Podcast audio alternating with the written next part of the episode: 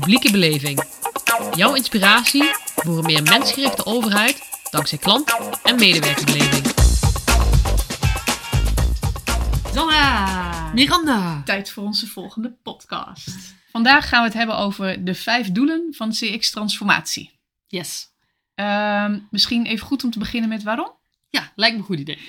Ehm, ik heb deze, eigenlijk dit raamwerk, deze structuur, heb ik, ik denk zo'n beetje een jaar geleden uitgedokterd in mijn hoofd. Eh, omdat ik merkte twee dingen. Enerzijds merkte ik dat best veel opdrachtgevers die zoeken naar, maar er lopen zoveel verschillende initiatieven. Hoe kunnen we nou één strakke verhaallijn maken waarmee we alles aan elkaar verbinden? Ja. Dat is één kant. Ehm, en de andere kant is dat CX, klantbeleving, is best wel een hype ding. Dat heb je me vaker horen zeggen. Ehm, en ik wilde eigenlijk gewoon heel plat slaan. Ja, maar wat willen we nou gewoon eigenlijk bereiken? Ja, precies. En dan vervolgens dat we in die vijf doelen steeds koppelen. Oké, maar hoe past daar klantreizen in? Hoe passen daar drivers in? Hoe passen daar leiderschap in? En dat je eigenlijk gewoon super strak verhaal hebt. Dat je ook een beetje als soort assessment kunt gebruiken. Hé, hey, maar waar staan wij zelf eigenlijk op die vijf Ja. doelen? Mooi. En in het hype-verhaal misschien ook ehm, goed om je op het rechte pad te houden. Dat je gaat kijken van, hey, valt dit onder de vijf doelen? Of is dit iets vaags eh, waar ik me even niet mee bezig hoef te houden? Ja, en ook kunnen prioriteren. Dat je ook best kunt zien, hé, hey, maar dit hebben we best wel goed staan. Misschien moeten we nu hier starten. Ja. Ehm, en wat inderdaad wel een belangrijke is qua perspectief. Dus eigenlijk in alles wat ik de afgelopen 20 jaar ehm, bedenk. Wat ik te vaak zie is dat zeker CX-teams en steeds meer bedrijven gaan CX-teams eh, optuigen. Dat die best ver afstaan van de operatie. En dat het meer een stafafdeling wordt. En ehm, eigenlijk ook best wel commentaar dat dan mensen in de operatie zeggen: wat, doet dat CX-team de hele dag? Dat is soort van mij betreft een worst case scenario. Daar wil je liever niet terechtkomen. Dus bij alles wat we doen, alles wat we bedenken, zit steeds in ons achterhoofd. Wanneer is onze missie geslaagd? Als die medewerker op de werkvloer iedere dag denkt: hé, hey, maar hier heb ik iets aan. Ja. Deze inzichten vanuit klantbeleving maken mijn werk leuker, zinvoller, meer impactvol. Ja. dus zo tastbaar en concreet vertalen we eigenlijk altijd alles. Helder. Oké, dus in deze podcast gaan we de vijf doelen bespreken. We beginnen bij doel 1. Doel 1. Het allereerste natuurlijk wat we willen weten is: hoe de bliep kunnen we überhaupt die klantbeleving verbeteren? Mooi eerste doel. Ja, dus wat zijn de knoppen waar we aan moeten draaien? Ja. Ehm, en wat je ziet in, ehm, ja, dus zeg maar, waarom überhaupt wil je naar een 8 plus bewegen? Daar heb je twee redenen voor. Ehm, financieel gezien. En aan de commerciële kant is er natuurlijk ook meer omzet. Maar je ziet ook dat je heel veel kosten kunt reduceren. Dus ook voor overheidsland is zeker als het gaat om klantcontact. Als je continu je klantreis verbetert. Dan zit er heel veel win-win in efficiëntie, kosten besparen. Terwijl je de klant blijer maakt. Ja. Eh, dus zeg maar vanaf een 8 plus ga je geld verdienen, om het even plat te omschrijven. Maar dan is de vraag, oké, maar wat is voor ons in onze organisatie de snelste route om naar die 8 plus te gaan? Ja. Nou, daar komen natuurlijk de drivers aan te pas. Ja. En we zullen het hier heel kort uitleggen, maar we hebben een aparte podcast waarbij we helemaal uitleggen hoe die driver techniek werkt. Ehm, maar de kern is eigenlijk dat wij op basis van de, of het kanaal, of de klantreis, of vertrouwen in de overheid, gebruiken we eigenlijk slimme statistiek om te kijken, oké, bijvoorbeeld de klantreis, ehm, aanvragen bijstand. Wat zijn daar nu de belangrijkste thema's voor klanten om die tevreden zo snel mogelijk in 8 plus te bewegen? Ja. Dus dat een combinatie van de klantreis in beeld brengen, vragenlijst maken, waarbij we transactie en emotie combineren. Dat we dan statistiek toepassen, zodat we zeker weten dat we niet de rationele antwoorden krijgen, maar de onbewuste latente behoeften. Ja.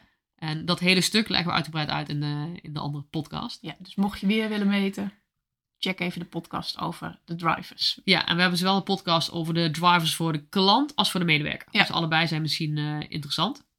Dus dat is eigenlijk een beetje zeg maar, de, wat we noemen de externe kant. Dat is hoe weet ik zeker welke metrics, welke, welke data ik aan de, aan de buitenkant moet verzamelen. Dat zijn vaak vragenlijsten. Mhm. Eh, maar wat te vaak over het hoofd wordt gezien, is ja, maar eh, binnen een klantreis eh, meet natuurlijk het systeem of de operatie, die meet al een hele hoop efficiency dingen. Ja. Ehm, dus wat er te vaak wordt vergeten, is ja, maar soms zijn interne metrics ook net zo relevant. Als ik een eh, organisatie heb die iets met een orderproces doet, en op een gegeven gaat mijn order in plaats van binnen drie dagen gaat naar zeven dagen, ja, dan zegt mijn gezond boerenverstand, hmm, misschien doet het wel iets met de beleving van mijn klanten. Dus zeker voor die interne eh, metrics, kijk gewoon heel goed. Oké, wat meten we al? En welke zijn relevant om ook naast de externe metrics, naast die eh, vragenlijsten drivers, Om die te monitoren, om te kijken, hey, maar gaat inderdaad de beleving eh, de goede kant op? Ja. Want als je die twee hebt, dan kun je eigenlijk kun je een soort dashboard maken. En wederom, als wij zeggen dashboard, ga niet 300 IT-systemen aan elkaar knopen. men neemt een PowerPoint en men eh, typt in de PowerPoint vanuit allerlei systemen gewoon überhaupt de waarde. Ja. Maar de basisplaat is dat je zegt, nou, ik heb misschien zeven klantreizen. Per klantreis, hoeveel klanten per jaar doorlopen die klantreis? Mhm. Wat zijn per klantreis mijn drie belangrijkste drivers uit de vragenlijst die we net bij klanten hebben gedaan? Ja. Wat zijn de drie belangrijkste interne metrics? En die ga je eigenlijk continu verbeteren en monitoren en kijken of jouw scores omhoog gaan door de juiste verbeteracties. En je zegt, hè, je vult gewoon even een powerpointje. Dat doe je natuurlijk niet elke week. Nee, heel goed. Maak elkaar vooral niet gek. Dat zie ik ook te veel organisaties doen eh, met, hè, met wekelijkse scores. Eh, mijn tip is altijd: zorg in ieder geval dat je één keer per kwartaal. Ja. Hè, dus ga iedere twee weken kijken naar de voortgang van je verbeteracties. Hè, gewoon is- iedereen aan het doen wat hij moet doen. Maar ga één keer per kwartaal kijken. Hey, zien we nou ook de scores omhoog gaan? Eh, alleen hooguit misschien in callcenters die echt veel volume hebben. Nou, daar kun je misschien ook wel maandelijks kijken. Eh, maar ik ben altijd meer een voorstander van creëren een goed ritme. Mhm. En zie per kwartaal eh, de voortgang dat je iedere week soort alle kanten wordt opge... En, en de aantallen zijn ook altijd veel te laag om per week of per maand uitspraken te doen. Ja, precies. Dus je kunt wel per week of per maand meten, maar je verzamelt aantallen om per kwartaal eh, te volgen. Precies, ik zeg Ja. altijd continu meten is niet hetzelfde als continu analyseren. Ja. Dat zijn twee inderdaad hele andere dingen. Helder. Ja. Oké, dus doel 1, hoe kunnen we de beleving verhogen? Yes. Dan gaan we naar doel 2. Doel 2, oké, nou weten we dat, dan hebben we inzichten. Maar Ja. hoe mobiliseren we nou ook de hele organisatie om iets te gaan doen? Hier gaat het heel vaak ook mis. Ehm, en eigenlijk heb je, als je onderzoek hebt gedaan, goed onderzoek hebt gedaan, hè, luister naar een andere podcast, dan heb je eigenlijk drie smaken qua verbeteracties. Ehm, heel vaak uit die drive-analyse komt de menselijke, menselijke as, persoonlijke aandacht bijvoorbeeld. Dus dat zit erg op gedrag van medewerkers. Ja. Dat kan optie 1 zijn. Optie 2 kan zijn, oké, naast gedrag zijn er misschien ook wel andere elementen in de reis, hè, in het proces die we willen verbeteren. Dat is Mhm. optie 2. En optie 3 is, misschien heb je bij sommige reizen dat je denkt, ja, maar daar moeten we echt, een- echt even één wow-moment in creëren. Voor dat laatste, boektip, eh, The Power of Moments.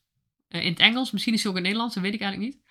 Maar het is een super inspirerend boek met heel veel voorbeelden. Niet alleen van wow-moment creëren, maar die hebben ook een soort raamwerk van wat zijn de vier criteria waar je over na moet denken als je een wow-moment gaat ontwerpen. Dus zeker aanraden. Mooi.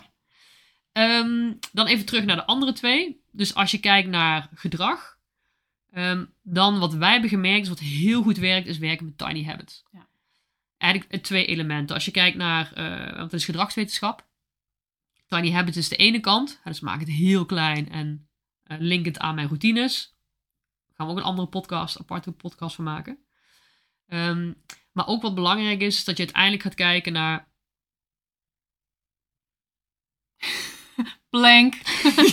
Geen idee. Eh, wacht even. Tiny habits was de ene kant qua gedrag. Oh ja, energie en plezier. Oké. Ga ik verder kletsen? Ja, ga maar gewoon lekker verder kletsen. Ehm, en ook dat je kijkt naar hoe kunnen we dat nou met heel veel energie en plezier doen. Ja, dus gedragswetenschap zegt maak het klein. Maar zegt ook, ja in het Nederlands heb je daar vind ik zelf geen lekkere vertaling voor. Maar het heet playfulness.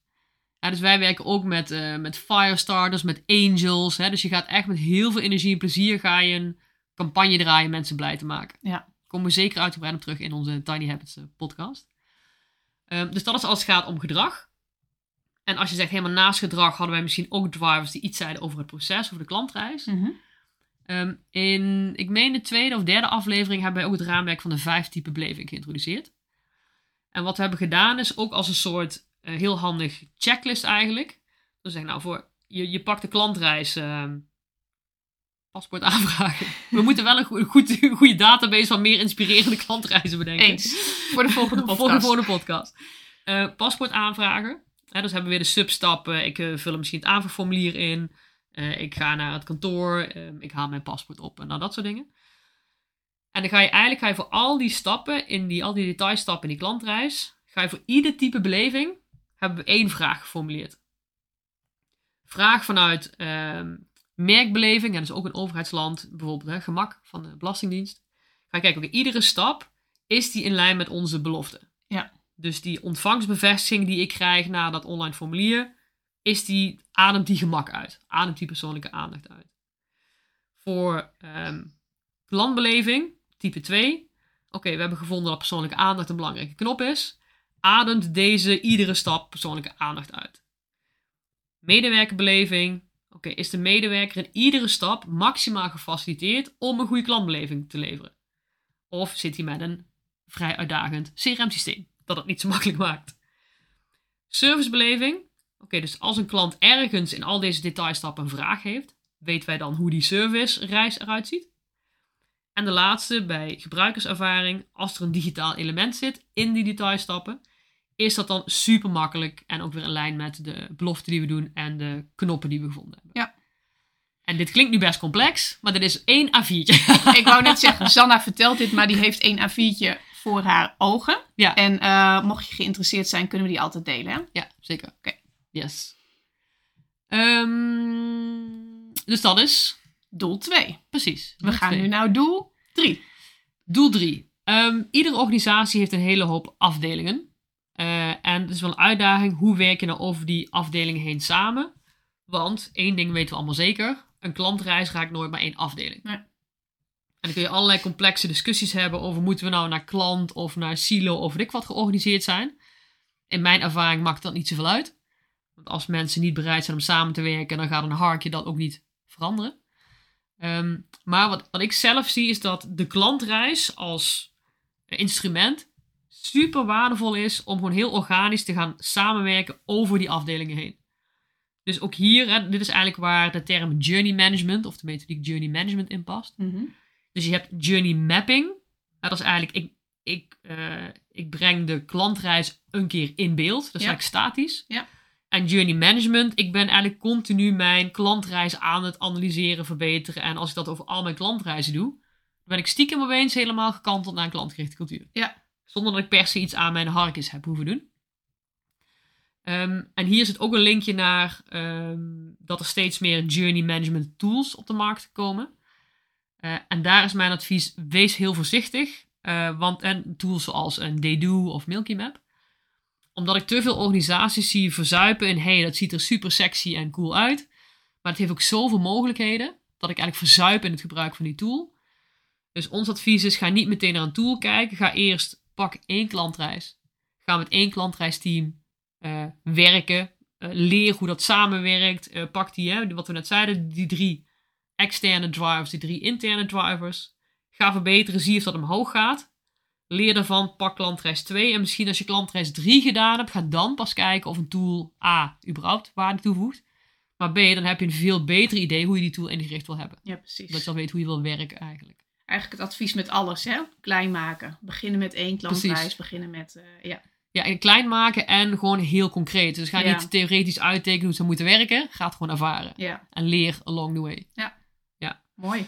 Ehm, en als je dus met journey management gaat starten, dan is ook hè, na, nadat je met dat ene, die ene klantreis gaat ervaren. Wat wel helpt, is dat je een soort totaallijst maakt van oké, maar welke klantreizen hebben we eigenlijk allemaal? Ja. En vervolgens stel dat je er 25 hebt, dan ga je die niet, alle 25 meteen mappen. Maar je gaat eerst kijken, oké, van die 25, hoeveel klanten per jaar doorlopen die klantreis? Eh, van welke klantreizen hebben we misschien al een tevredenheidsscore? Eh, welke klantreizen zijn al volledig automatisch, dus hoeven we misschien niet zoveel aan te verbeteren? Mhm. Eh, want dat helpt jou enorm makkelijk om datagedreven te prioriteren. Ja. Kun je dan zeggen, oké, maar dit loopt al automatisch en dan scoren we al jarenlang een 8. Kunnen we best parkeren. Maar hey, deze klantreis, daar weten we niet zoveel over. En er gaan best wel veel klanten doorheen. Dus laten we die dan pakken als experiment om als een klantreisteam te gaan werken. ja, precies. Dat is doel nummer drie. Doel nummer drie. Dan gaan we naar doel nummer vier. Er zijn er vijf. hou vol, hou We vol. zijn er bijna.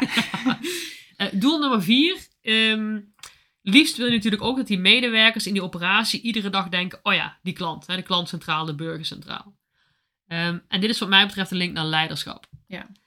En wat ik zelf altijd heel erg mooi vind, is als je dus de, de drivers van de klant gaat onderzoeken, dan is die nummer één knop van die klant is bijna altijd gelinkt aan zingeving van die medewerker. En er zit heel veel win-win om gewoon met medewerkers de klantbeleving te verbeteren. Eh, maar ik krijg best wel vraag, krijg ik de, de vraag van leiders waarbij ze zeggen, ja, ik weet niet, maar mijn mensen zijn er niet heel erg klantgericht. Eh, en dus eigenlijk altijd mijn eerste zeg maar, spiegel terug is, oké, Maar hoe vaak vraag jij in jouw team, goh, beste Miranda, wat heb jij afgelopen week gedaan om de klantbeleving te verbeteren? Ja. Eh.